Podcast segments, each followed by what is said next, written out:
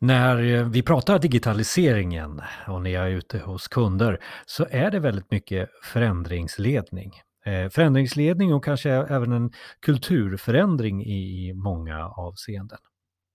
När det gäller IT och IT-strategi har man väl också ändrat eh, på inställningen den senaste tiden och de senaste åren egentligen. Det handlar mer om en verksamhetsstrategi för IT, ja det är verksamhet och verksamhet är IT. I podden Effekten så pratar jag med Jan Stenvall om just IT-strategin och att den är död. Och hela avsnittet finns där på effekten.se. Men eh, för en, en, liten summering här i den här podden då av eh, de bästa frågorna och de bästa svaren gör väl att man får en, en, en känsla för vad är det det handlar om egentligen?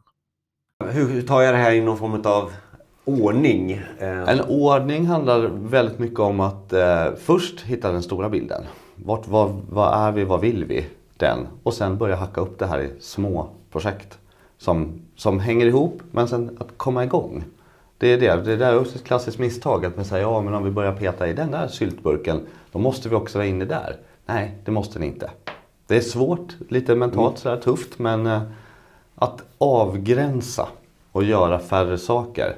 Jag har ett jättebra exempel nu på en kund som jag jobbar med där vi alla kämpar för att vi ska göra de här små sakerna så att vi kommer framåt och kan liksom fira etappmålen ett efter ett. Och det hela tiden kommer in, ja, men var, aha, det bara det där nu? Man vill ju så gärna lösa alla problem med ett magiskt trollslag. Liksom IT-strategin, vi ska ha liksom modellen X av Microsoft någonting. Det, har inte, det, är liksom, ja, det mm. kan man vilja ha. Liksom.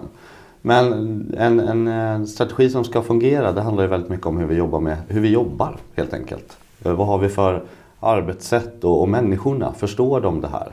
Och de, alltså, de lyckade exemplen vi ser det är när man jobbar väldigt mycket med förändringsledning.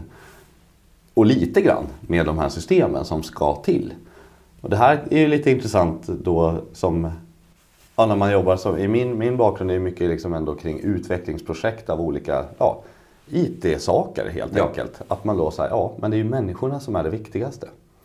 Så det, det, är inte bara att skaffa sig nya Office 365 och tro att nu, nu har vi Nej, kommit vidare. Nej, för det där är ju ett klassiskt misstag mm. som vi tyvärr fortfarande gör. Och man, vi liksom, ja, misstar den här idén om att nu ska vi digitalisera genom att vi slänger på folk en massa olika nya system. Som man inte riktigt vet vad man ska ha till. Och förväntar sig att det där kommer lösa sig av sig självt. Alternativt att man får gå en två på någon kursgård och tro att man, ja men nu förstår vi. Det, det, brukar inte fungera så. Utan mm. det handlar ju om att liksom komma ner och vill man ha utväxling så vill man inte byta ett system och sen göra likadant i ett nytt system. Då har man också missat lite den här, ja men nu kan vi göra mycket saker på andra sätt. Men, men hur har det gått för de som har haft den här gamla tanken om IT-strategi då? Ja. När du kommer in och säger nej, nej, nej, vi ska, nu ska vi eh, rycka lite i hur ni jobbar och så här. Får ja, du, får alltså du kalla där, handen där? Ibland. Ibland är det så, den får man ju säga. För då, det, det är ju lite jobbigare. Alltså att köpa ett nytt system kostar X pengar, inte så jobbigt. Och sen så är det någon annan längre ner då som kanske tar smällen för att det här blev inget bra. Eh, men att börja vända upp och ner lite grann på hur folk jobbar, det är, det är svårare mm. helt enkelt. Mm. Men å andra sidan det är också bara de projekten som blir riktigt bra. Det är när man liksom får med sig hela gänget kring att prata, ah, okej, okay, det här kan, kommer ju förenkla din vardag. Det kommer vara mycket lättare för dig. Och enda sättet att ärligt göra det, det är att man förstår hur den här vardagen ser ut. Så att man vet vad man ska förbättra. Och hela avsnittet, ja det finns på effekten.se. Jan Stenvalls kontaktuppgifter hittar du där också. Tack för att du lyssnade på min podd, Jani. Eh, den här podden som eh, berättar om min digitala vardag.